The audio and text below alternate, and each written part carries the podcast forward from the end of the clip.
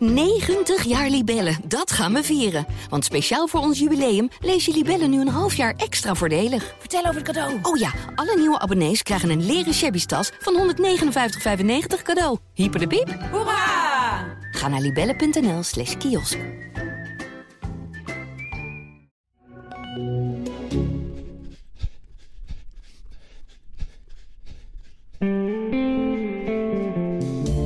Veertig minuten geleden kwam hij over de finish. Abdi Nageye. Ja, we noemen hem altijd vriend van de show. En nu is het de man die 41 jaar na Gerard Nijboer weer Olympisch marathonzilver haalt.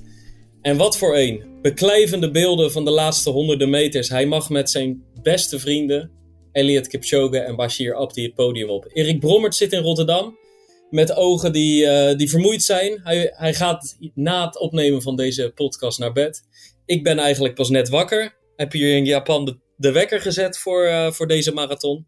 Maar we gaan eerst nog even een nieuwe aflevering van de Pacer opnemen. Want dat is hoog nodig, Erik. Ja, en het eh, naar bed gaan, ik weet niet of dat erin zit hoor. Ik denk dat ik maar gelijk doorpak. Want het, eh, het gaat wel even heel lekker op het moment allemaal. Wat een marathon was dit zeg. Dit is hoe je hem hebben wil, hè? Op een groot toernooi. Ja, ja, ik heb echt vanaf het, vanaf het eigenlijk het eerste begin al geboeid gekeken hoe deze marathon verliep.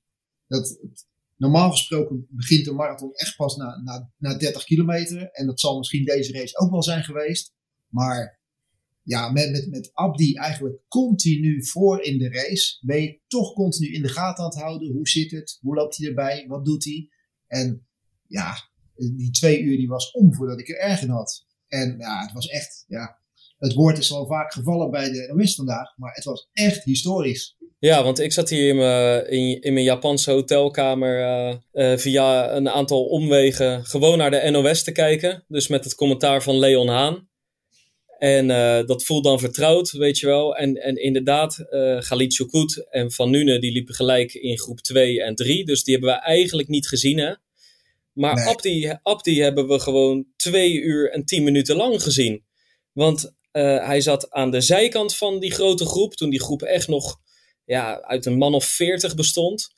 Liep de tijd uit het gedrang, zo rechts of links van de groep. Op een gegeven moment meldde hij zich vooraan, liep hij naast Kipchoge, de hè, wereldrecordhouder, Olympisch kampioen van Rio, eh marathongrootheid en zijn voormalige trainingspartner. En heel af en toe had je het idee, misschien is hij, kijk, hij is goed, hij is in orde, want anders, anders loopt hij er niet op deze manier bij. Maar af en toe had je het gevoel, is, staat hij niet te veel aan? Is hij niet iets met zijn krachten aan het smijten? Maar hoe langer die race duurde, hoe meer je het gevoel kreeg van ja, dit is, hè, dit is niet omdat hij zich druk maakt. Dit is omdat hij zich zo ontzettend goed voelt. Ja, het was, het was ongelooflijk. En, en wat, wat het mooie van was, je zag eigenlijk dat hij vanaf elke drankpost een beetje in controle was. Ik heb het idee dat hij werkelijk niet één drankpost heeft gemist. Hij heeft continu heeft hij zich, heeft hij zich verzorgd. Hij was continu bij de tijd. En inderdaad, er was op een gegeven moment een moment dat ik ook dacht van, weet je, waarom ga je voorin zitten in, die- in die groep? Maar dat was ook een momentje dat het wat langzamer ging in die groep. Dus ja, uiteindelijk schoof hij denk ik vanzelf door. Ja, het, het, het was, ehm, ja, noemen ze dat? Tekstboek? Ja, uit het boekje. Ja, absoluut. Hij heeft gewoon het playbook gevolgd. En het is Ja. inderdaad, hè, want je zegt van hij heeft volgens mij geen drankpost gemist. Volgens mij ook niet. En, en dan is het ook nog zo.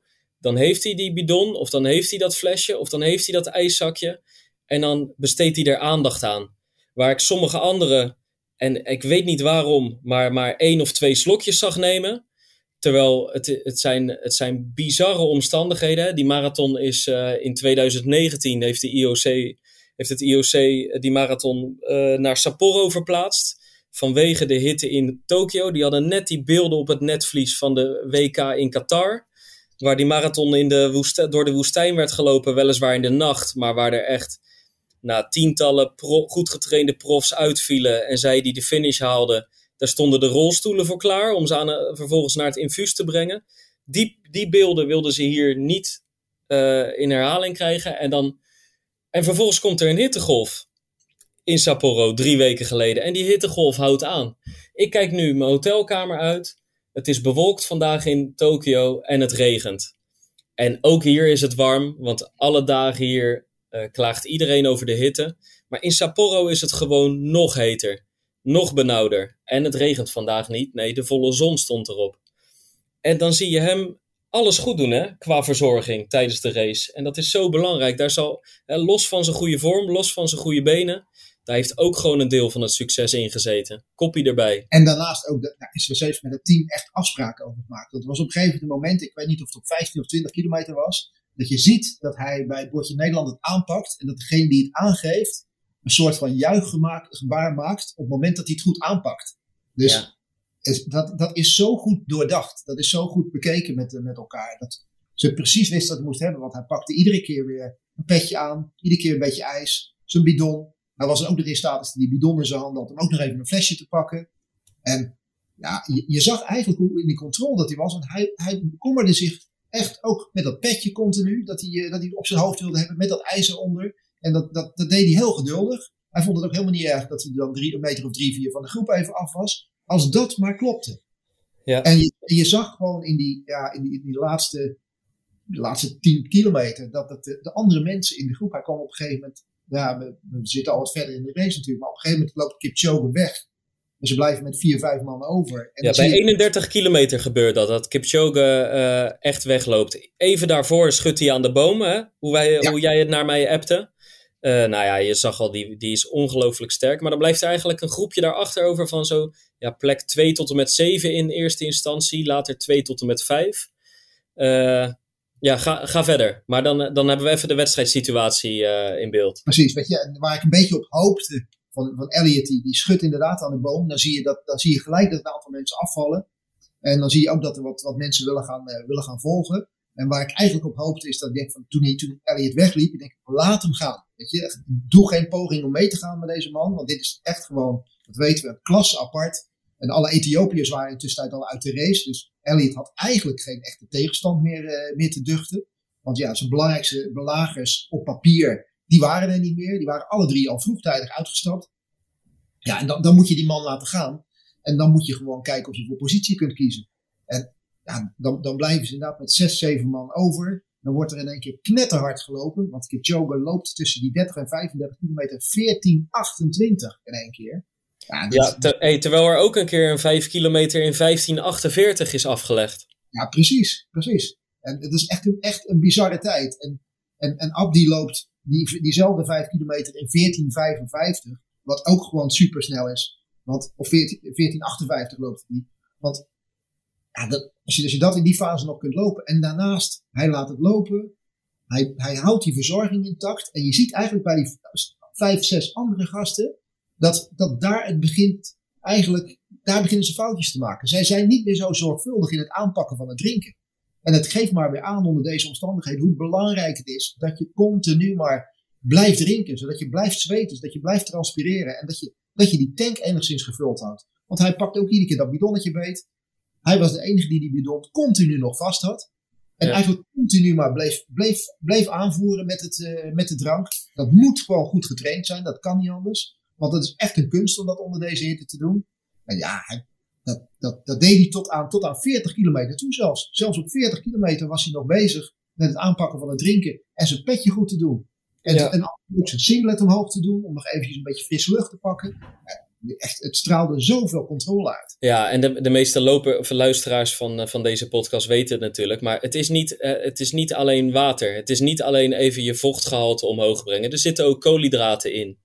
En in dit geval is het ook nog eens het afkoelen van. Hè? Je, je, je lichaamstemperatuur stijgt gewoon zo hard. En als dat boven een bepaald punt komt, heeft dat gewoon ja, bizarre gevolgen voor je hartslag. eh, voor het gevoel in je benen, voor je scherpte in je hoofd.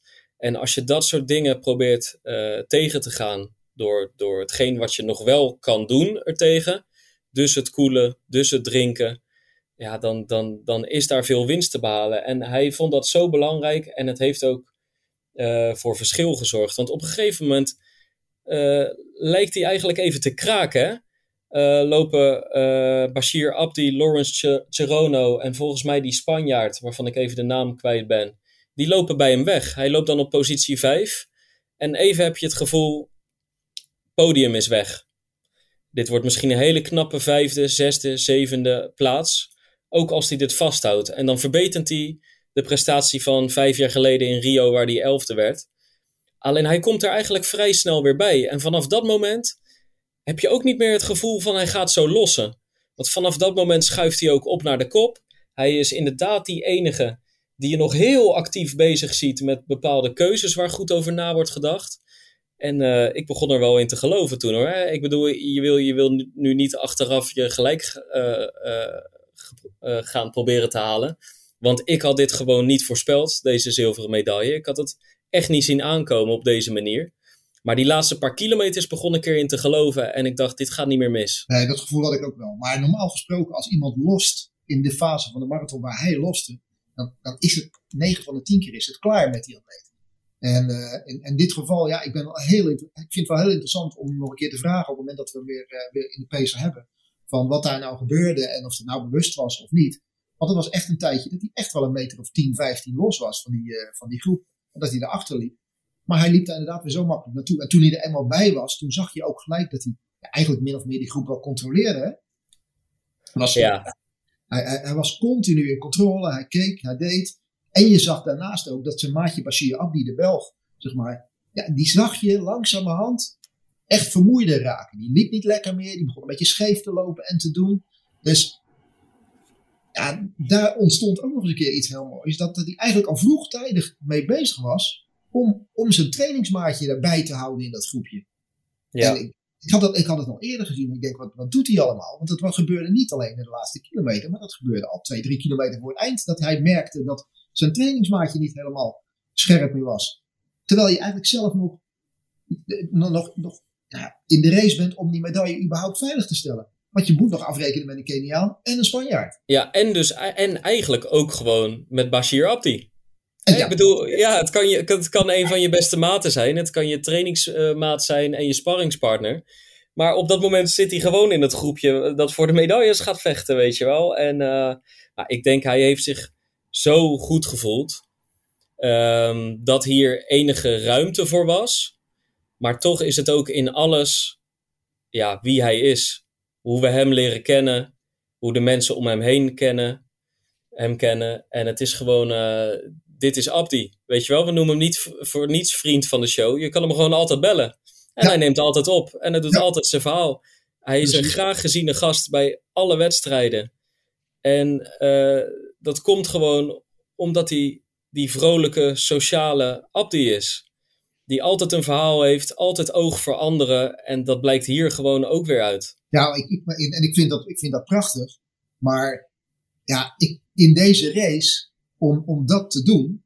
Ik bedoel, hoe zeker kan jij ervan zijn dat jij de Keniaan, eh, Chirona, er op dat moment nog af gaat lopen? Ik bedoel, de Spanjaard waren ze op een gegeven moment kwijt. Maar er loopt nog een Keniaanse jongen bij. Ik bedoel, daar heb je geen afspraken mee gemaakt. Van, joh, als je het niet erg vindt, dan worden wij twee en drie en jij vier. Die afspraak. Ja, ik die afspraak wordt even niet gemaakt. Dus je moet wel heel, heel zeker zijn van je zaak. Dat jij die eindsprint gaat winnen. Dus het gaf ook wel aan hoeveel dat hij nog in de tank had zitten. Dat hij in staat was om zijn eigen plek veilig te stellen. Van nou, zilver ga ik, zeker, ga ik zeker worden. Vanaf dit moment ga ik aanzetten. En als het dan een beetje mee zit, neem ik mijn maatje ook nog even mee naar de derde plaats. Dit, ik, weet niet uh, hoe hierover gesproken wordt, maar ik heb er even op de BBC teruggekeken. Daar, daar waren ze lyrisch over, uh, over, over, over deze actie en over, ook over de sportiviteit die hij hierin uh, in toonde. Dat dit, dat dit kan op dit niveau. Ik vond het echt ongelooflijk en ik denk dat het een enorm, ja, het was gewoon, ik denk voor heel veel mensen die hebben zitten kijken, gewoon ook een emotioneel moment. En ik zou wel eens willen zien hoe de Belgen erop gereageerd hebben, want ja, wat, wat hier gebeurd was, is dat, dat ja, ik, ik heb het nog nooit, nog nooit gezien zo op deze manier. Ongelooflijk. Ik denk dat, uh, hè, dat, uh, dat uh, in, in Brussel of in Antwerpen of, of in Brugge. Dat, daar, dat, dat Abdi Nageye daar voor de rest van zijn leven gratis kan eten als hij een restaurant instapt. Denk je niet? Ik denk, ik denk het wel, want hij heeft zich getrakteerd op een bronzen medaille. ja, ja. Nee, nee, kijk, Bashir heeft het natuurlijk ook op eigen kracht gedaan. Uh, want, want uiteindelijk, kijk, iemand kan allemaal wilde armgebaren naar je maken. Alleen als de tank echt leeg is op een marathon, dan, dan komt hij niet meer over die Chirono heen. Maar het waren beelden voor de eeuwigheid. Toonbeeld van sportiviteit. En het was inderdaad een tikkie ontroerend. Want ik had het ook. Uh, sport raakt je soms. Maar ik heb hier al drie weken lang naar sport zitten kijken. En daar zaten soms de meest fantastische momenten tussen. Maar dan zit ik echt niet per se met kippenvel of met een brok in mijn keel. Of... Ik merkte, dit, dit deed me wel iets. Ik zit hier niet te janken op mijn hotelkamer, maar gewoon dat, dat ik het echt wel mooi vond. Maar dat zat er met name daarin. Ja. dus niet, niet dat hij zilver haalt. Een jongen die we op zich hartstikke goed kennen natuurlijk. Hè, dus waar je wel gevoel bij hebt. Maar dat zat hem echt in die beelden van die laatste paar honderd meter. Van, van een man die uh, koste wat het kost met zijn twee vrienden op het podium wil staan. En niet met andere mensen. Dit was echt zilver plus plus. Was dit. Dit, gaat, dit, gaat, dit beeld gaat heel de wereld over. Iedereen heeft het hierover. Want eh, laten we niet vergeten trouwens dat Elliot Kipchoge heeft gewonnen. Die is Olympisch kampioen geworden. Ja, ja, ja. ja. Nee, laten we dat niet vergeten. Ik zou het bijna vergeten te melden. Dat, ja. uh, dat Elliot Kipchoge intussen keizer van uh, Sapporo is geworden. Ja, ja. En, en dat is...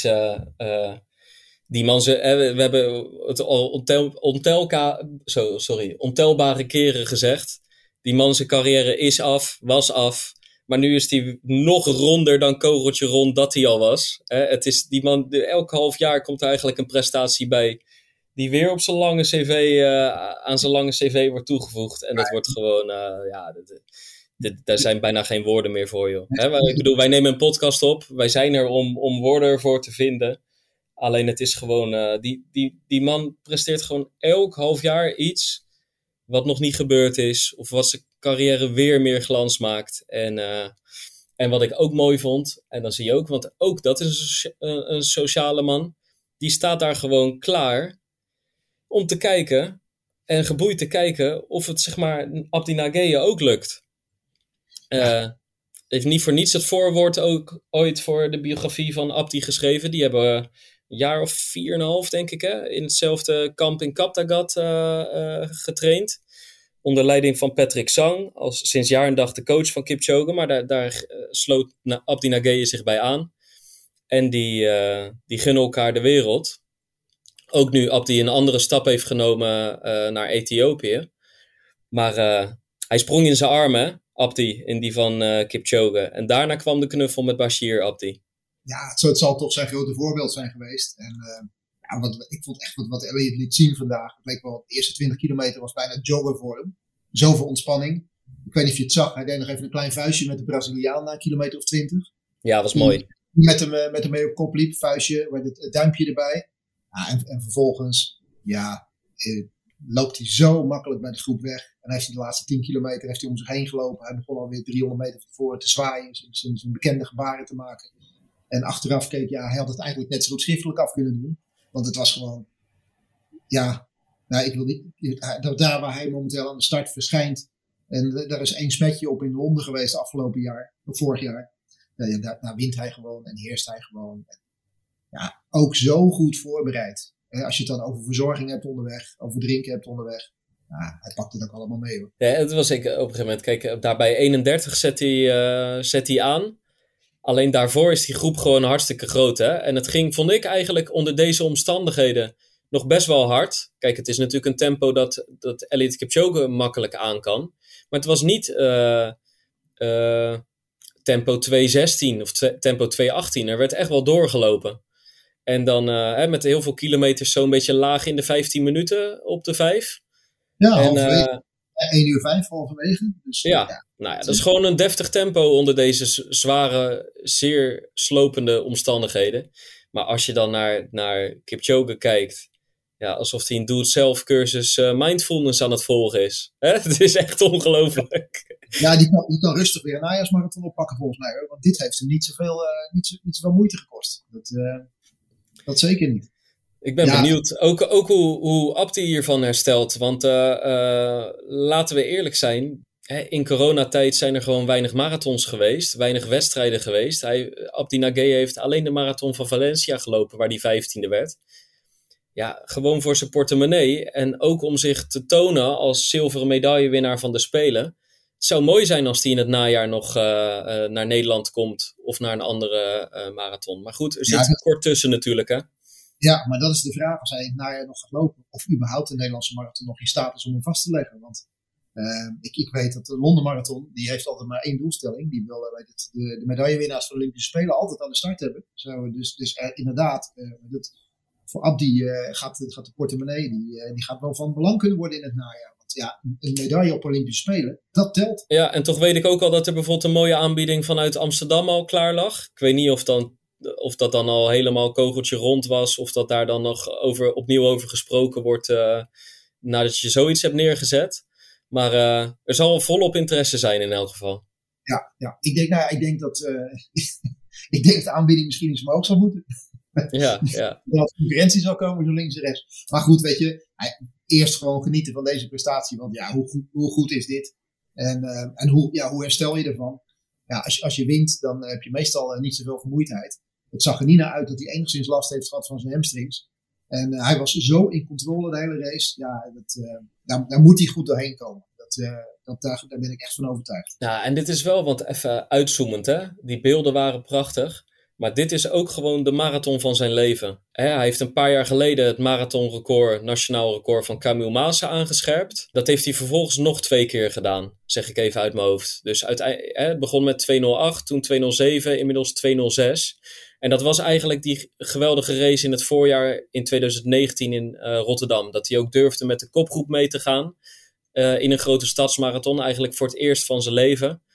Dat, dat vond ik, denk ik, de beste marathon die ik hem ooit heb zien lopen. Maar daarna werd het lastiger. Hè? In het, uh, veel, veel klachten, veel problemen ooit een hamstringprobleem ontstaan tijdens de, een, nou ja, een, een, door het weer en wind geteisterde editie in Boston. En dat is daarna een soort terugkerend fenomeen geworden, een terugkerend ding dat hem vaak uh, in de weg zat. En waardoor we ook heel vaak, als we hem bijvoorbeeld uh, voor de Pacer belden, heel vaak met hem moesten hebben over fysiek ongemak, fysiek leed. En die vijftiende plaats in Valencia, daar had hij zich zoveel meer van voorgesteld.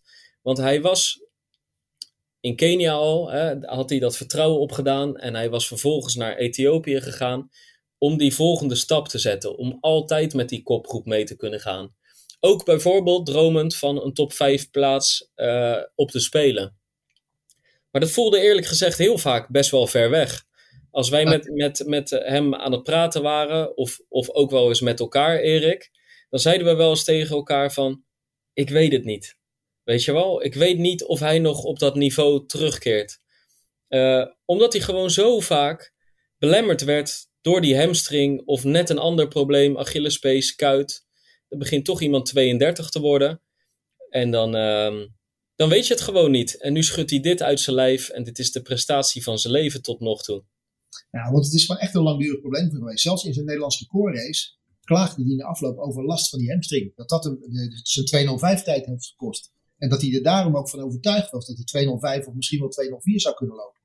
En het heeft hem altijd parten gespeeld. En op de een of andere manier heeft hij het nu toch onder controle gekregen. Want het was een paar weken terug, toen wij hem, de, toen wij hem in de pacer aan de lijn hadden, toch even schrikken geblazen. Toen hij eigenlijk aankondigde dat hij met Michel Butter contact had. Omdat het helemaal niet zo goed ging met hem. In aanloop naar de Spelen. Nee, ze, um, ja, uh, de, de, sportiviteit zeg maar toonde om al met Michel Butter contact op te nemen van als het mij de komende weken niet lukt, dan moet jij zorgen dat je klaar staat. Ja, deed hij met een belletje, deed hij met voiceberichten, hield hij Michel op de hoogte. Uh, het is ongeveer zes weken geleden uh, dat, dat we hem aan de lijn hadden en dat hij aangaf van um, ja, begin juni begint die hamstring weer op te spelen. Heb ik echt meer dan een week 0,0 kunnen hardlopen. En uh, de komende zes weken, het is nog zes weken, de komende weken moet eigenlijk alles raak zijn. Uh, ik mag be best een trainingje missen, maar de key sessies, de sleuteltrainingen, die moet ik allemaal gaan draaien vanaf nu. Want als dat niet gebeurt, dan kan ik helemaal die ambitie die ik heb niet meer nastreven. Dan kan ik niet die top 5 in. En dan moet ik ook zo eerlijk zijn dat, uh, dat, er, dat er andere jongens in Nederland wel fit, fit zijn, fitter dan ik. En dan, uh, dan moet ik die plek niet ga voor ze gaan uh, inhouden. Dus hij heeft contact met Michel gehad. Alleen op een gegeven moment heeft hij ook tegen Michel gezegd: Ja, ik ga eigenlijk gewoon goed. Toen heeft Michel de stekker eruit getrokken. Omdat hij aanvoelde van, nou, op deze manier heeft het geen zin meer met drie fitte mannen.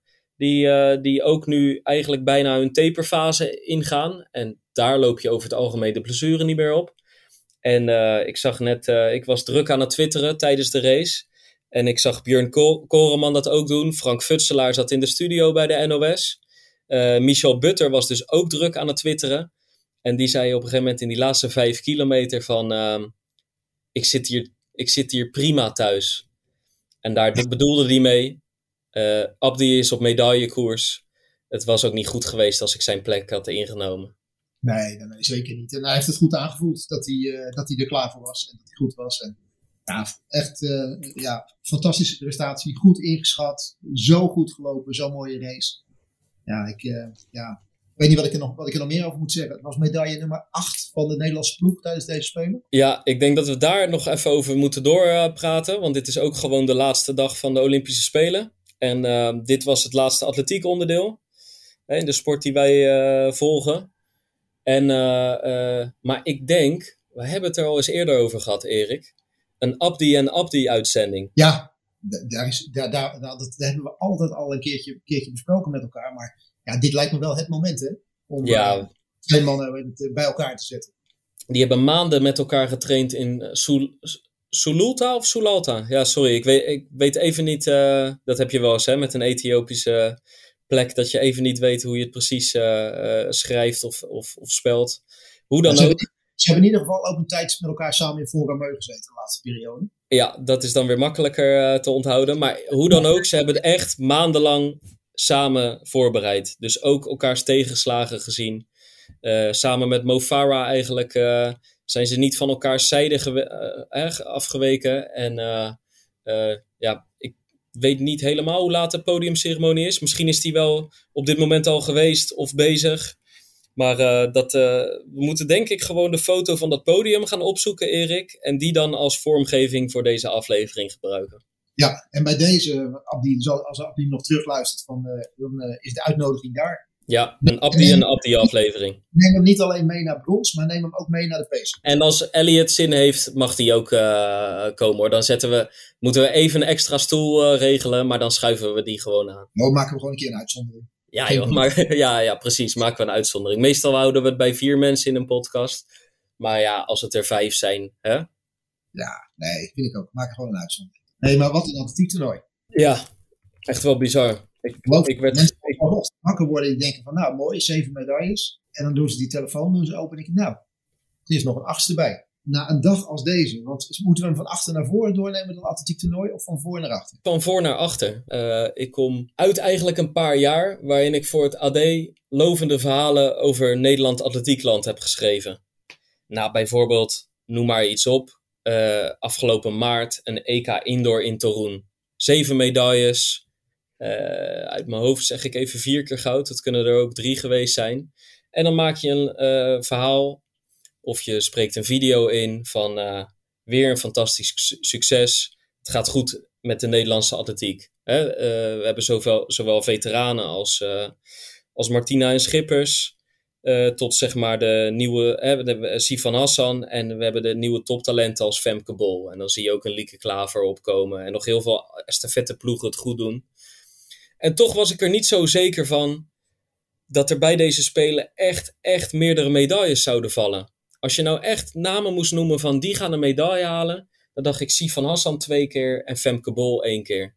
Ja. En dat het dan uiteindelijk op, op acht uitdraait, omdat Sifan Hassan drie afstanden doet, waarvan twee keer goud, één keer brons.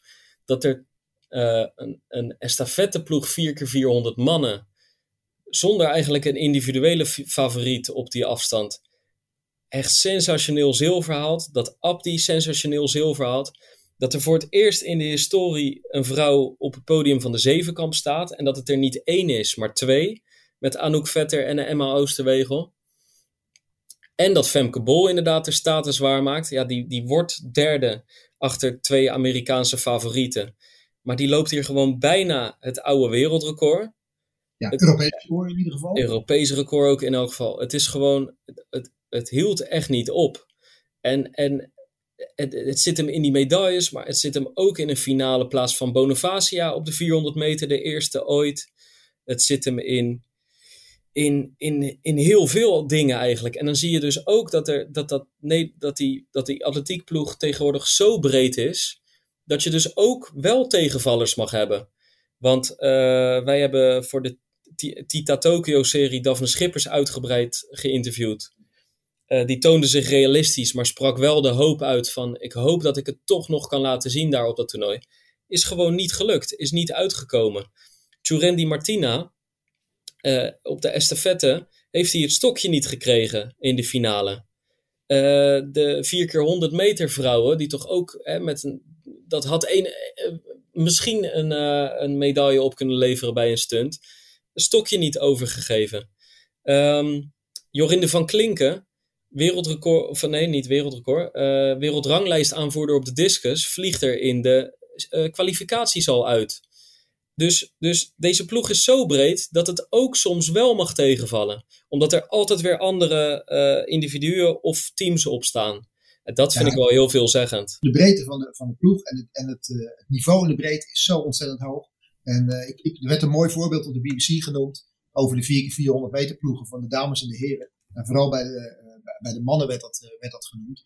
Dat de, de staat van de, van de 4x400 meter, waar de Engelsen bijvoorbeeld er niet bij waren op die afstand, gaven ze bij aan van nou, Nederland wel. Maar dat geeft gewoon aan hoe, hoe breed zeg maar, de, de, de, Nederlandse ploeg is. En, en hoe, hoe, goed de concurrentie naar elkaar ook is. Want eh, als je vier mensen kunt opstellen van dit niveau, dan kan het niet anders dan dat die elkaar beter maken. Zowel bij de dames als bij de heren. Op 100 meter en daarbij. En dat, dat breidt zich misschien wel uit richting 800 meter.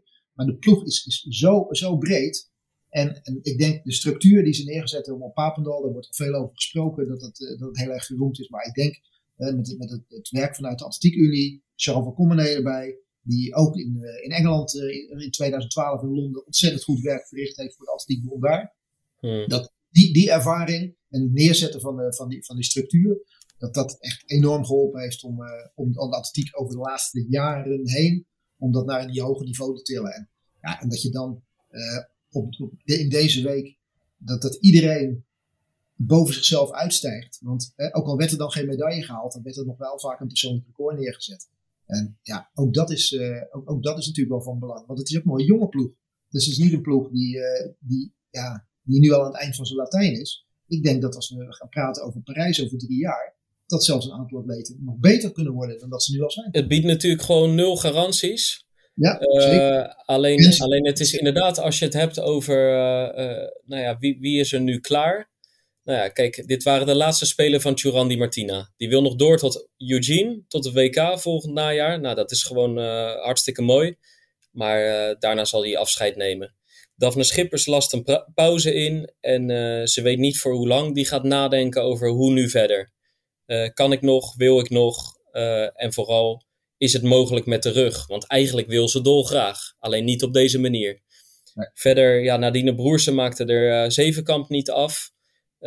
die, die zal er denk ik niet meer bij zijn in Parijs. Al mag ze ons verrassen, uiteraard. Maar voor de rest is het inderdaad wat je zegt.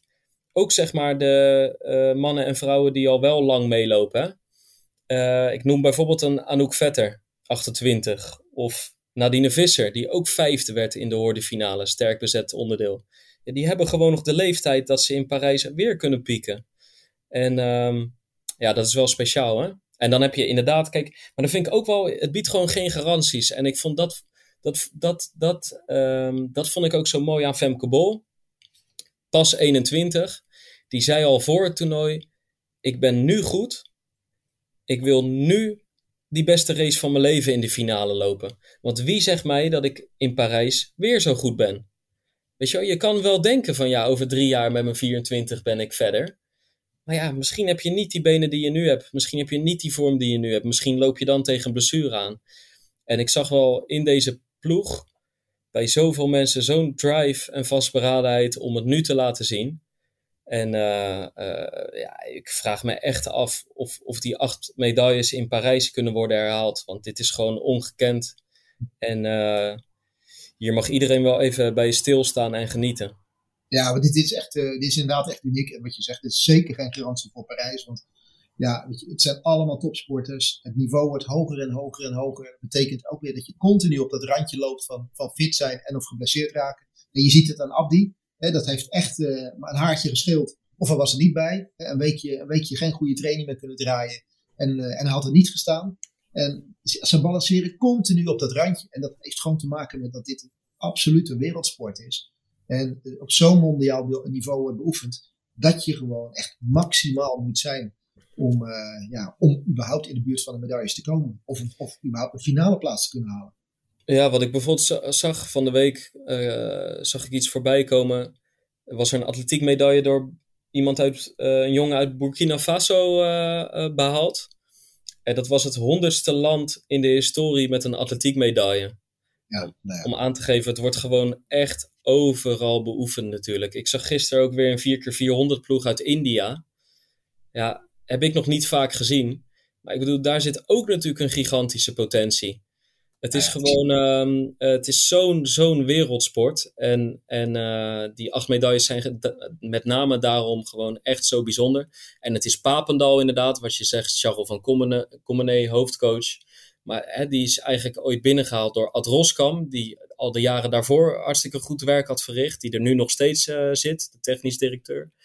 En die zoon van Commenee heeft zich bijvoorbeeld ook weer hard gemaakt voor het losweken van Laurent Muley die fantastisch werk verrichtte in Zwitserland. Die wordt hier op de, uh, op de 400 meter en op de estafetteploeg uh, gezet met al zijn kennis. En die zorgt eigenlijk, uh, kijk, het, um, Bram Peters verricht al prachtig werk met bijvoorbeeld Femke Bol. En dat doet hij nog steeds. maar Muley heeft daar ook weer wat aan toegevoegd. En dan zie je ook zo'n Lieke Klaver floreren. Je ziet Bonifacia die in een soort in, in de herfst van zijn carrière harder loopt dan ooit. Jochem Dobber zie je goed gaan. Uh, het, het, is, het, het was echt bijzonder. En het is dus ook, het is niet alleen Papendal natuurlijk. Hè? Want um, Abdi Nageye traint in Ethiopië.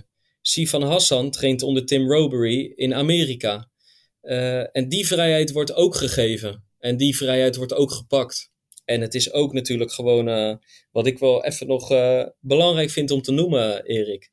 De slotloper van de 4x400 ploeg gisteren, Ramsey Angela, opgeleid, ja, opgeleid bij PAK Rotterdam. Dat mag wel even genoemd worden. En ja. als je nou hebben van iemand die gegroeid is in het toernooi, dan is hij het wel. Ja, Want, leg eens uit. Nou ja, als ik, in de mixed relay is, is hij degene die net die bronzen medaille niet binnen kan, kan brengen. Omdat het om hem heen natuurlijk ook harder gelopen wordt. Maar reken maar dat hij daar wakker van gelegen heeft. En toen ik hem vanmiddag weer die laatste ronde in zag gaan. En ik zag Borlée, zag ik hem, zag ik, hem bijna in zijn nek hijgen. dacht ik van, het zal hem toch niet weer overkomen. En, en toen ik hem naderhand bij de NOS hoorde, daarover hoorde praten. En hij aangaf van, ja, dit gaat me niet nog een keer gebeuren. Dan zie je gewoon dat zo'n jongen echt binnen een week geleerd heeft van wat hem gewoon zes dagen eerder is overkomen. Want dit gaat me niet nog een keer gebeuren. Ik moet meer geduld hebben, ik moet minder agressief zijn. En dan trek ik hem binnen. En dan, dan is brons niet eens voldoende, want dan drukt hij ook zijn borst nog even voor zilver over de streep. Ja, echt. En, en is een jongen die nog net meegedaan heeft aan het EK onder 23 jaar. Bijzonder, hè? Bijzonder. Ja, heel, echt heel bijzonder. Heel bijzonder. Maar over, over bijzondere dingen gesproken, moeten we het nog over Sifan Hassan hebben? Lijkt me wel, hè? ja. Wat is dat dan? Ja, ik vond het in alles al een mooi verhaal. Het wilde plan wat ze had, het idee wat haar niet losliet om uh, die uitdaging op te zoeken van de drie afstanden. Ze wilde eigenlijk de 10.000 en de 1500 doen. Alleen ja, die 5000 zat zo gunstig in het programma. Met die 1500 wist ze dat ze goud op het spel zou zetten. Want de 1500 vond ze het moeilijkst te winnen. 22 uur daarna moest ze op de 10.000 tegen wereldrecord oudste Gidei. Dus ze besluit ook die 5000 te doen. En uh, ja, in acht dagen tijd, in zes races, gebeurt er zoveel slingert ze van emotie naar emotie. Belast met druk, belast met stress, vol slapeloze nachten, een valpartij. Twee gouden medailles, een bronzen medaille, een spierverrekkingje. Verder. En ze heeft iedereen in verwarring en verwondering achtergelaten. Het is uh, een, een van de, misschien wel de, maar in elk geval een van de atleten van deze Olympische Spelen in Tokio ja, ze heeft, heeft echt wel, wel, wel bewezen dat, uh, dat die keuze die ze maakte, of het nou drie keer goud moest worden of, of niet, dat, dat zij zoiets als van, ik moet het gewoon op deze manier moet ik het doen. En uh, alle drie die afstanden lopen. Ik zag nog, nog een mooi beeld van jou voorbij komen dat je met Erwin Wennemars op de tribune zat. En uh, volgens mij op het moment dat ze viel op die 1500 meter, en dat jij tegen Erwin zei van, skippen die 1500 meter, gaan voor de 5, voor de 5 kilometer en, uh, en de 10 kilometer. Want uh, dit is, uh, niet, dus niet meer te doen op deze manier. En ze maakten dat toch waar. Ja, ik, ik dacht gewoon, het is gekke werk. En ik, eh, ik vond het voor, voor, voor het verhaal vond ik het fantastisch. Het was groots, het was meeslepend. Maar ik vond het ook gewoon onverstandig. Ik, ik dacht, als zij de 5000 en de 10.000 had gedaan, vond ik haar, eh, ondanks de tegenstand van een uh, van een Gidai, van, van, van Obiri, van die vrouw uit Bahrein die uiteindelijk gisteren tweede wordt op de 10.000. Ondanks die tegenstand zag ik haar als de favoriet voor op allebei die afstanden. Dus ook als favoriet voor twee keer goud, hoe moeilijk ook. En door die 1500 erbij te nemen, met drie lastige races en, en een slopend schema aan te gaan, vond ik dat ze echt alles op het spel zetten. Want die 1500-serie is ook gewoon op de avond van haar eerste finale, 5000 meter. En ik vond het prachtig, geweldig voor het verhaal, hoe het ook zou aflopen. Maar dan, val, maar dan valt ze daar. En toen dacht ik, ja, dit bewijst dat het gewoon gekke werk is. Nog los van hoe mooi het is, maar ik dacht gekke werk. En dan staat ze op, schudt ze een bizarre 300 meter uit. Ze is op die heup gevallen. Alleen, alleen dan, dan is Erben een man vol energie, die, uh, die denk ik uh, soms 16 races in zes dagen plakt. Hè? Of ja. twee marathons uh, in twee dagen of een week. Die, die, die houdt vast aan, aan dat het kan als je dat wil.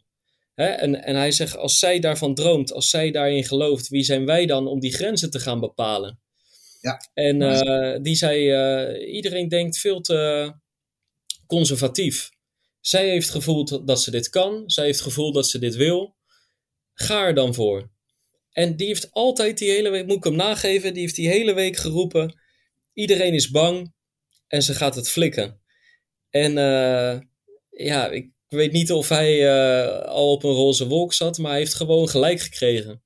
En ja. uh, Sivan Hassan ook. En ook trouwens, als hij gisteren brons had gepakt met goud en twee keer brons, had ik het ook historisch gevonden. Maar nu is het gewoon helemaal af.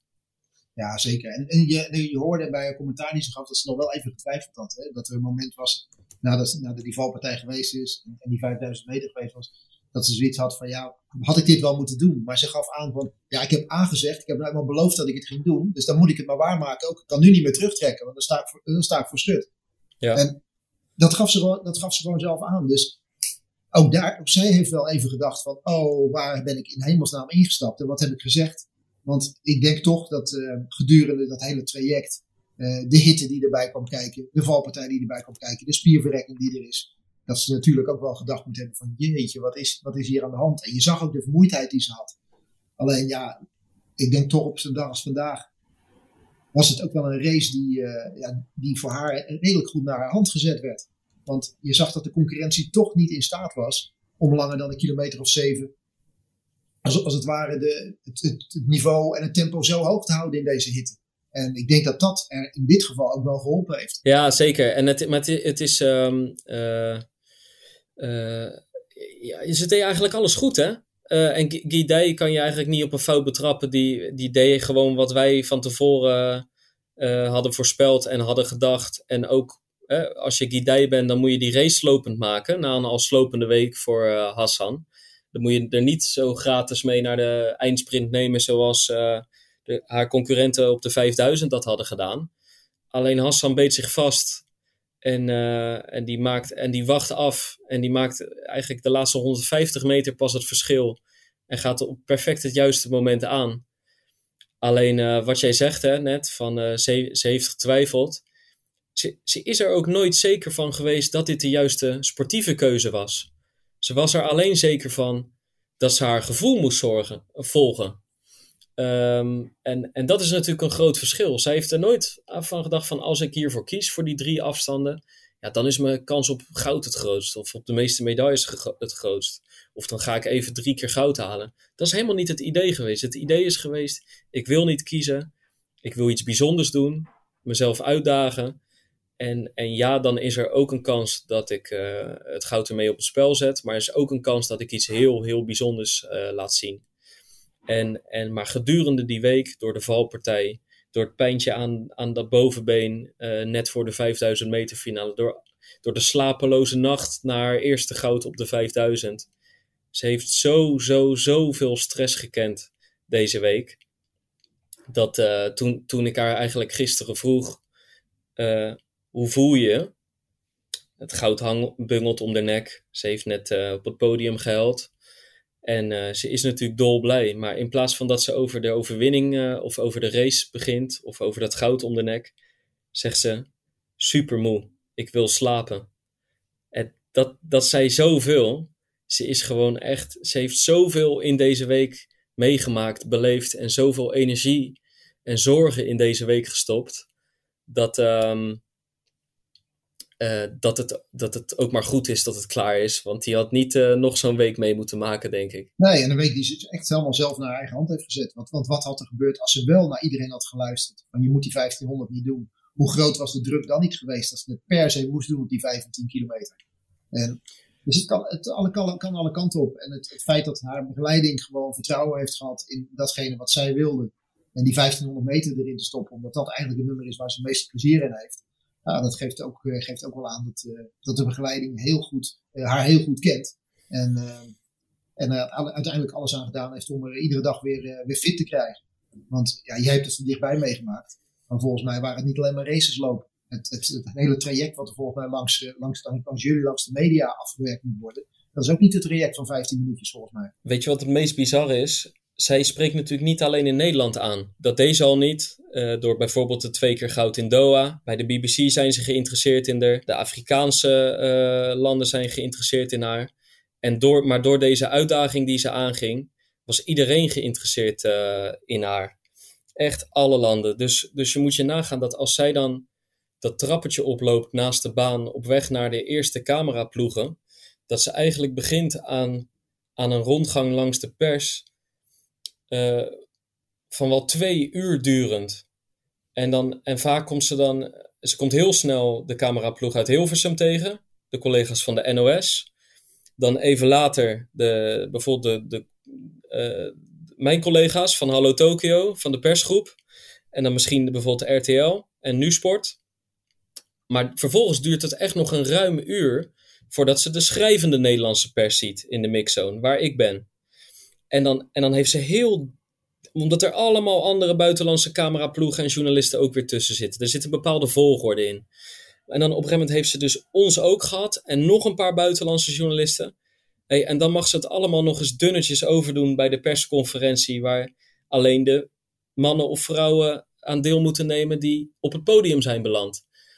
En als je, als je, dat, dus, uh, als je dat dus bedenkt, hè, dat, dat zij loopt zo'n 5000 meter of ze loopt een 1500 of een 10.000, maar dat daarna dus nog een dopingcontrole volgt, twee uur lang aan interviews, dan nog de terugweg naar het hotel, met de adrenaline dat je niet meteen kan slapen.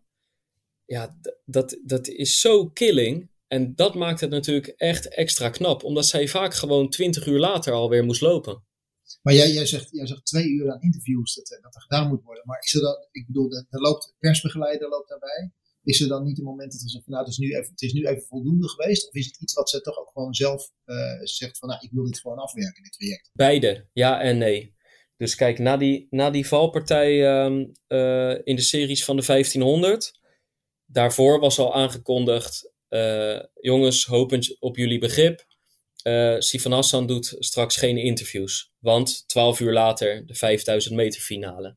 Nou, dat begrijpt dan iedereen. Dat je niet dan nog even. Hè, dat, al voor wat er gebeurd was, begrijpt iedereen. Die gaat niet uitgebreid een verhaal doen. Zou ook, zou ook een beetje volkomen geschrift en bezopen zijn, natuurlijk. Als je je eigen glazen wil ingooien, dan moet je op dat moment aan de pers gaan denken, zeg maar. Dat komt later wel. Maar na finales is het gewoon een regel. Je staat iedereen te woord. En dan dan mag je een beetje haast hebben. Dat had ze bijvoorbeeld na de 1500 meter finale, Erik. Dus zij weet, ik moet over, hè, het is vrijdagavond in Japan. Ik moet uh, eh, 22 uur later op zaterdagavond in Japan, moet ik alweer de 10.000 lopen. Um, toen hebben wij haar bijvoorbeeld vier minuten gesproken. Terwijl ze uh, na de 10.000 meter finale, dan weet ze, het toernooi zit erop, hebben we er bijna 12 minuten gesproken. En dan neemt ze, en die tijd die ze voor ons neemt, neemt ze bij andere ploegjes ook. Dus, dus er zit een soort verschil in van heb ik haast en, en doe ik het af met een paar zinnen of met één anekdote of neem ik de tijd leun ik achterover en uh, uh, ga ik pas weg als ik denk dat uh, alle vragen zijn beantwoord. En daar zit zeg maar het verschil in. En, maar hoe dan ook is het slopend. Ja, ik zou zeggen daar is winst te behalen voor de toekomst. Nee, ja, maar Erik, het is ook wel, je moet ook, kijk, er wordt gewoon gedacht aan haast maken. Er wordt gedacht aan hoe herstel ik het snelst. Alleen op het moment dat wij hier alleen maar sporters hebben die zeggen: Ja, mijn race van over drie dagen is belangrijk, dus ik loop even door dan vergeet je dat die sporters daar uiteindelijk staan en uiteindelijk uh, fans hebben en uiteindelijk ook een salaris verdienen en het grote geld wat er in deze toernooien wordt gepompt, omdat ze zichtbaar zijn en omdat ze uitleg geven. En als zij alleen maar uh, lopen en verder niks, en ze stoppen niet bij de Braziliaanse tv en ze stoppen niet bij de Duitse tv en Sifan Hassan doet niet dat verhaal bij ons, dan, dan, dan weten de fans in Brazilië, in Duitsland en in Nederland ook niet hoe zij die race heeft beleefd. En dan is er over tien jaar niemand meer geïnteresseerd in de atletiek. Dus ja, er is sportief gezien wat winst te behalen, dus daar moet je slimme keuzes in maken. Alleen je moet ook gewoon je verhaal doen. Dit is gewoon zoals het in de atletiek werkt, inderdaad. Uh, nee, in alle sporten. In alle sporten. En zo moet het ook uh, werken. In ja, Wimbledon. Nee, bij dat Wim... Alleen bijvoorbeeld, ik noem maar wat, bij Formule 1 is er volgens mij gewoon een internationale persconferentie. En daar wordt in zo'n vierkantje zie ik dat iedereen eventjes heel kort even een quote krijgt van een, van een minuutje. En dat is het. Maar ik vind dit heel, als ik dit zo hoor, dat is echt ongelooflijk hoe lang dat, het, uh, dat dit zo is. En, uh, ja. Het kan inderdaad efficiënter. Daar heb ik het ook vaak met Telegraaf-collega Willem over gehad. Die, uh, die was heel erg tennis gewend. Ja, en dan, en dan geeft bijvoorbeeld een grootheid als Federer of Nadal. Die heeft ook alle tijd. Of Serena Williams. Maar die doet dat wel inderdaad in een persconferentie waar iedereen tegelijkertijd bij is. En dan kan je in 40 minuten alle vragen beantwoorden. En inderdaad, als je dan ziet hoe het in de atletiek is geregeld, ja, dan moet eigenlijk Hassan na een uur lang uh, toch weer opnieuw dezelfde vraag uh, beantwoorden, maar dan op een net wat andere plek aan net wat andere mensen.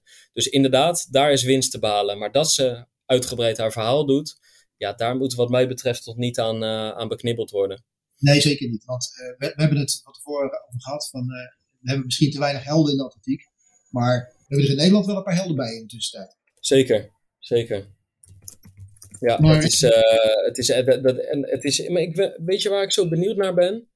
Want volgens mij, ja, kijk, iedereen zit een beetje, leeft natuurlijk eigenlijk een beetje in zijn in zijn eigen bubbel. En dat hebben wij met gewoon een hardlopersbubbeltje. Maar ik heb echt het idee dat heel veel mensen, ook heel veel mensen die normaal niet per se atletiek-minded zijn, dit toernooi, deze spelen, echt wel van die atletiek hebben genoten.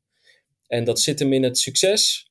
Dat zit hem in dat mensen ineens bij de Spelen altijd voor sporten gaan zitten, waar ze normaal gesproken niet voor gaan zitten. En dan ineens de meest fantastische verhalen zien ontstaan. Van, van een 21-jarige Bol tot, tot Veelvraat Hassan tot twee hoogspringers die de winst verdelen tijdens een onderhandelingssessie.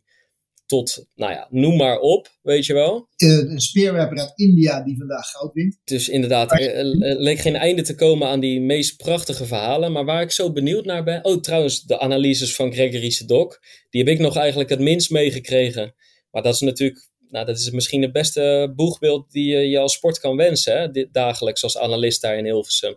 Ja, het is, is gewoon een, eh, een, een, masterclass die je iedere keer krijgt over, uh, over, over atletiek, over loopstijl, over houding, over strategie. Ja. Ik bedoel, als, als je nog geen liefhebber bent, bent van atletiek, dan, dan word je wel liefhebber van atletiek.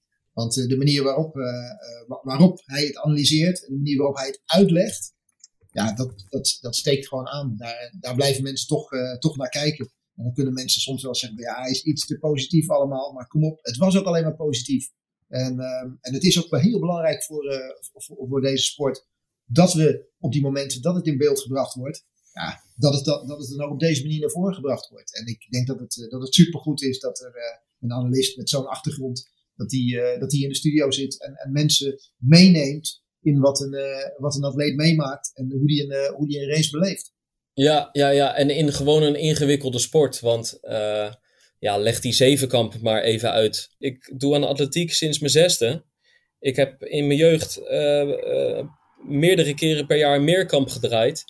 Maar ik weet het ook niet uit mijn hoofd uh, hoe groot het gat is tussen de nummer 1 en 2 in secondes voor die afsluitende 800 meter als ik naar de puntentabel kijk. Weet je, het is gewoon echt een ingewikkelde sport. En dan, ja, daar heb je voortdurend uitleg bij nodig. Zeker als je dus uh, een persoon bent die, die één keer in de vier, vijf jaar uh, die sport ineens begint te volgen.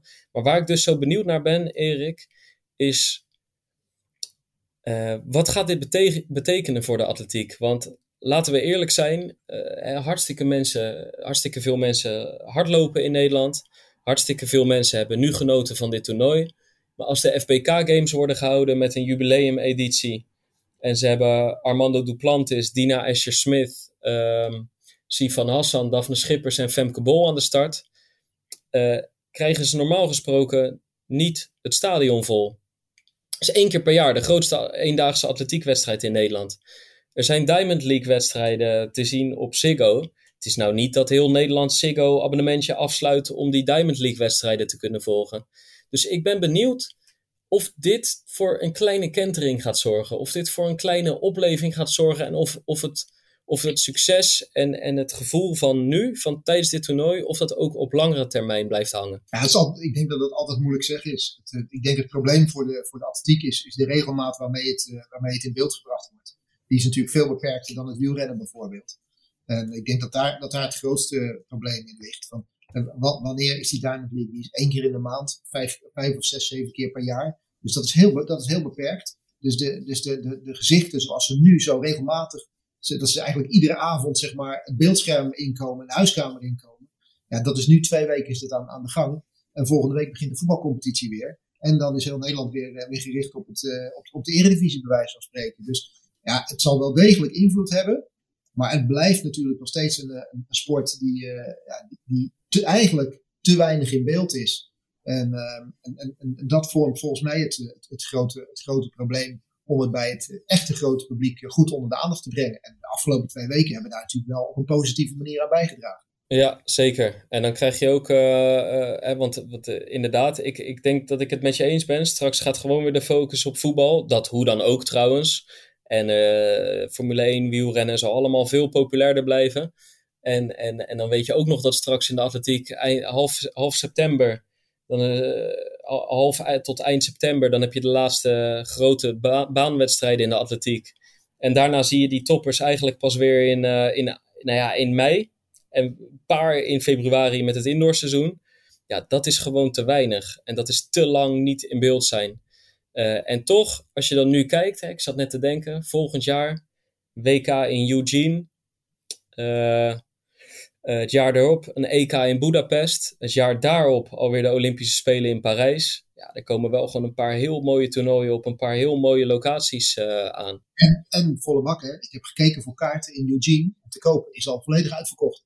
En, uh, en daar hebben ze echt een behoorlijk stadion neergezet. Is helemaal vol. En het kan, en het kan wel, hè, volle stadions. Want de Van Damme Memorial, hè, als je dan een keer nu naar mooie atletiek wil gaan kijken, ga dan naar de Van Damme Memorial toe. Daar kunnen 40.000 mensen in. Ik weet niet of er, of er in de huidige situatie 40.000 mensen mogen kijken. Maar daar zit het ieder jaar, als dat gelopen wordt, zit het helemaal vol. Dus net over de grens kan het wel. Maar dat is een van de weinige wedstrijden met de wedstrijd in Oslo erbij. En, en een wedstrijd in, uh, in, in, Engeland erbij. Waarbij het volle bak is met, uh, tijdens de atletiekwedstrijden. Ja. Maar ik denk de grote aanrader voor de komende maanden is toch, denk ik, de Van Damme Memorial. Als je daar naartoe kan en of mag.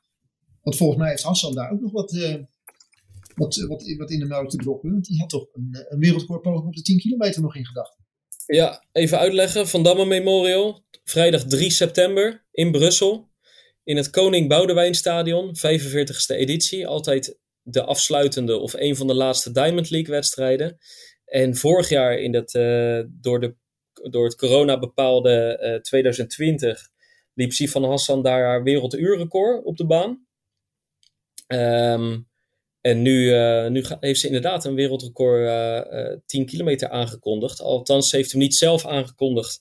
Maar volgens mij was ik hier al in Japan toen dat bericht door de organisatie zelf naar buiten werd gebracht.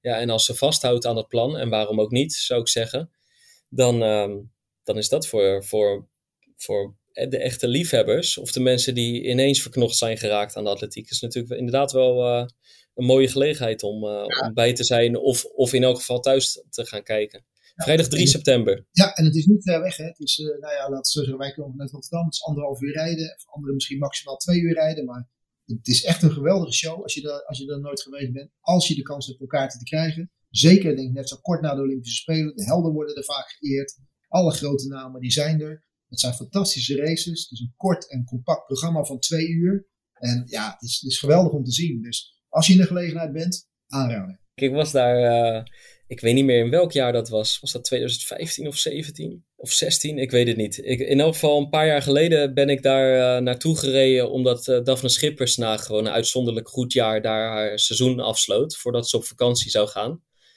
En um, ik had een hotel geboekt. Ik weet niet meer in welke buurt het was, maar echt nou ja, de wallen waren er niks bij. Ik had echt een hotel pal in de hoerenbuurt in Brussel. En uh, dat was echt ongelooflijk. Ik zat daar niet helemaal op mijn plek. Maar het was wel weer een unieke ervaring, om het zo maar te, te noemen. Ja, dus je had, je had nog een tip. Je hebt nog een leuke, leuke buurt, zeg maar, waar je ja, ja ik, ik denk dat ik dit keer een ander plaatsje opzoek, uh, Erik. Ja, je kan ook gewoon op en neer rijden, zover is het niet. Ja, ja, het is alleen, maar het is laat afgelopen. Hè? En ik moet dan ook nog een stuk schrijven.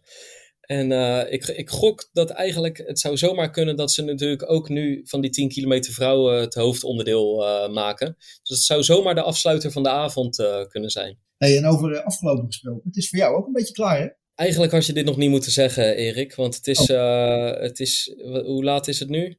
Ja, het is bijna 11 uur voor mij. Ik heb uh, net de wekker gezet voor die Tokyo Marathon om tien voor zeven. Na een nacht van uh, uh, 2 uur en 55 minuten slapen. Kijk, dat zijn nachten. En ik heb heel veel nachten hier 5, 6 uur gepakt. Wat natuurlijk gewoon te weinig is, weten wij halve topsporters. En het, is gewoon, het zijn drie hele, hele mooie weken geweest. Alleen, ja, je wil gewoon je werk goed doen. En vanwege dat tijdsverschil zorgt er gewoon voor dat je vaak hier in de avond eigenlijk tot diep in de nacht doorwerkt, omdat je die tijd hebt en wil nemen voor de krant. Maar dan staat er in de ochtend staat er alweer een atletiek ochtendprogramma op het uh, programma. Waardoor ik gewoon echt uh, steeds weer vroeg uh, bed uit moest. Dit is absoluut geen klaagzang, want ik heb het gewoon fantastisch gevonden. Alleen als jij dan nu zegt van het zit erop, je bent klaar. Ja, ik moet gewoon nog vijf verhalen maken vandaag. dus, dus als ik nu al aan de eindstreep ga denken, hè, dan, je moet, ik bedoel, ik moet hier nu ingaan zoals Abdi Nageye deed. In controle.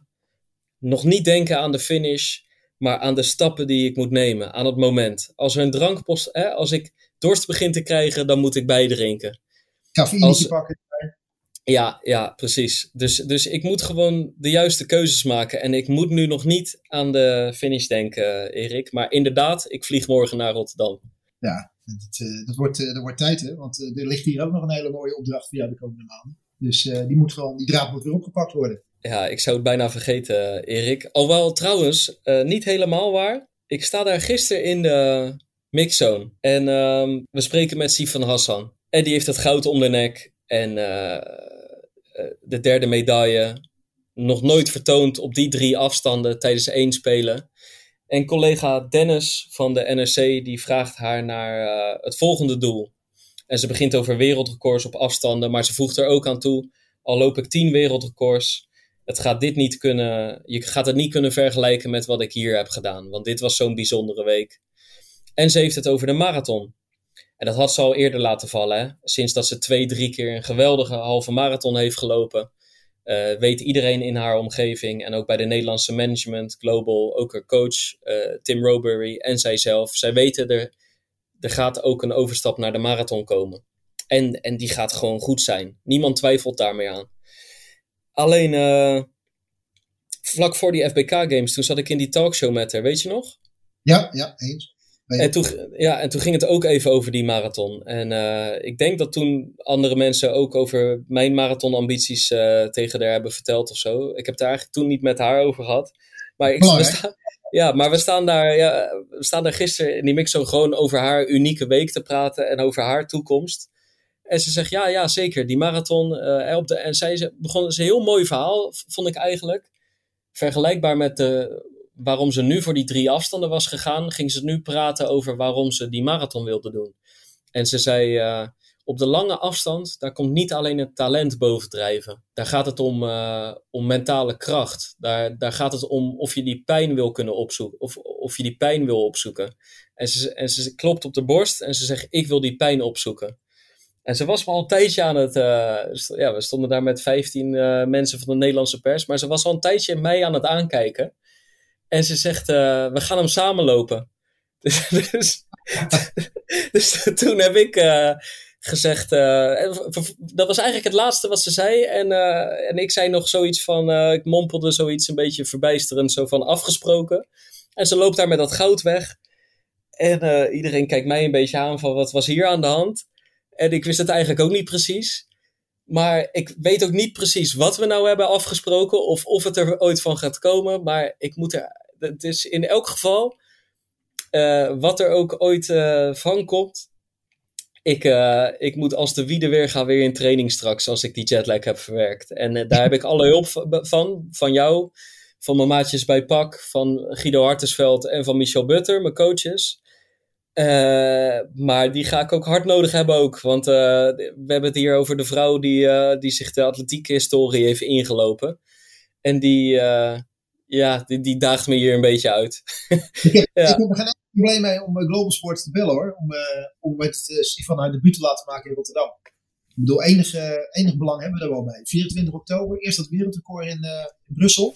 Ja. Poging. En dan gewoon doorpakken en een, en een debuut in Rotterdam. En dan begint het gewoon ontspannen onder die 230. Ik vind dat een mooi doel als iemand onder de 230 loopt. En ik zou ja, het, ja ik, ik moedig het aan. Hé, maar Erik, Erik, die gaat natuurlijk niet onder de 230 lopen. Tenminste, ja, ze gaat wel onder de 230 lopen. Maar die gaat... Even, proeven, oh, even proeven, even voelen. Eerst ja, even, nee. Even, kijk, eh, het zou hartstikke loyaal zijn, hè? hartstikke lief. Alleen die gaat echt gelijk vlammen, dat weet ik zeker. Tuurlijk gaat hij vlammen. Ja. Daar ben ik van overtuigd. Dat, dat, eh, dat gaat gebeuren. Maar goed, voordat zij gaat vlammen op die marathon, ben jij de eerste die moet gaan vlammen op die marathon.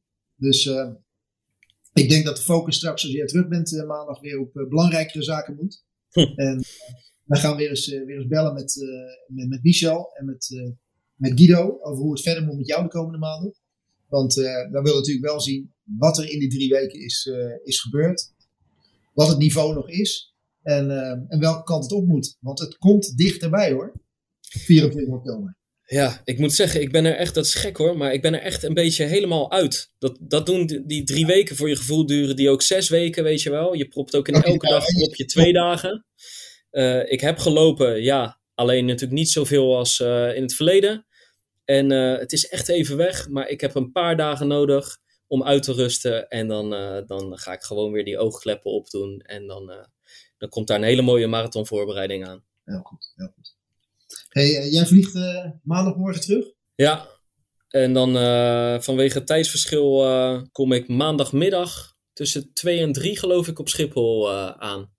Ja, en dan, dan, verwacht ik dat daar de Nederlandse pers staat om het te onthalen. Zoals meestal met de grote Olympische kampioenen wordt gedaan. Hè? dat de grote na zijn debuut op de Olympische Spelen, dat hij even onthaald wordt. Ja, dat de journalist van het AD daar aankomt en dat, het, uh, dat er een soort erehaag uh, staat. En dat er, een soort, dat er een boekwerk van al je stukken wordt aangeboden daar. Ja, het lijkt mij niet meer dan logisch. Maar uh, het zou ook kunnen dat ze dat, dat ze dat voor Sifan Hassan gaan doen, trouwens, bedenk ik me nu. Ja, zou zomaar kunnen. Ja. maak jij eerst die vijf hoofdstukken af? Het is hier tussen, tijdens het vier uur s'nachts. Ik kan mijn bed induiken. Of ik kan even kijken of Harry's hattrick gaat, uh, gaat gebeuren. Als ik jou zo hoor praten, dan, uh, dan neig ik naar het laatste, wat betreft jouw keuze. Ik denk dat ik het wel zeker weet. Ik pak gelijk even door.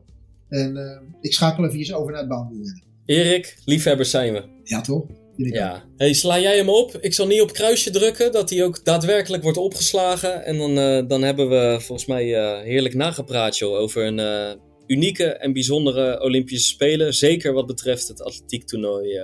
Ja, Zeker, absoluut. En uh, eh, 1 uur en 10 minuutjes. En uh, denk een uh, mooi duurloopje op, op de zondag. Om eventjes even na te beschouwen. En eventjes te horen hoe het er in, in Tokio aan toe is gegaan de afgelopen dagen. Ja, en al luister je hem niet op de zondag, maar op maandag, dinsdag of woensdag, dan, dan komt het alsnog wel op zijn pootjes terecht, denk ik. Zoals oh. heel dit atletiek toernooi. Nou, dat is zeker op zijn pootjes terecht. Laat dat duidelijk. Hé, hey, laten we snel afspreken, Erik. We spreken. Is goed, man. Spreken. Okay. Hoi, de mazzel.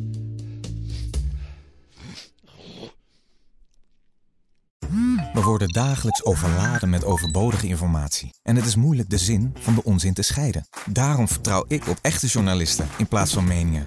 Een krantenmens heeft het gemakkelijk. Word ook een krantenmens en lees je favoriete krant nu tot al zes weken gratis. Ga snel naar krant.nl. Bezorging stopt automatisch en op deze actie zijn actievoorwaarden van toepassing.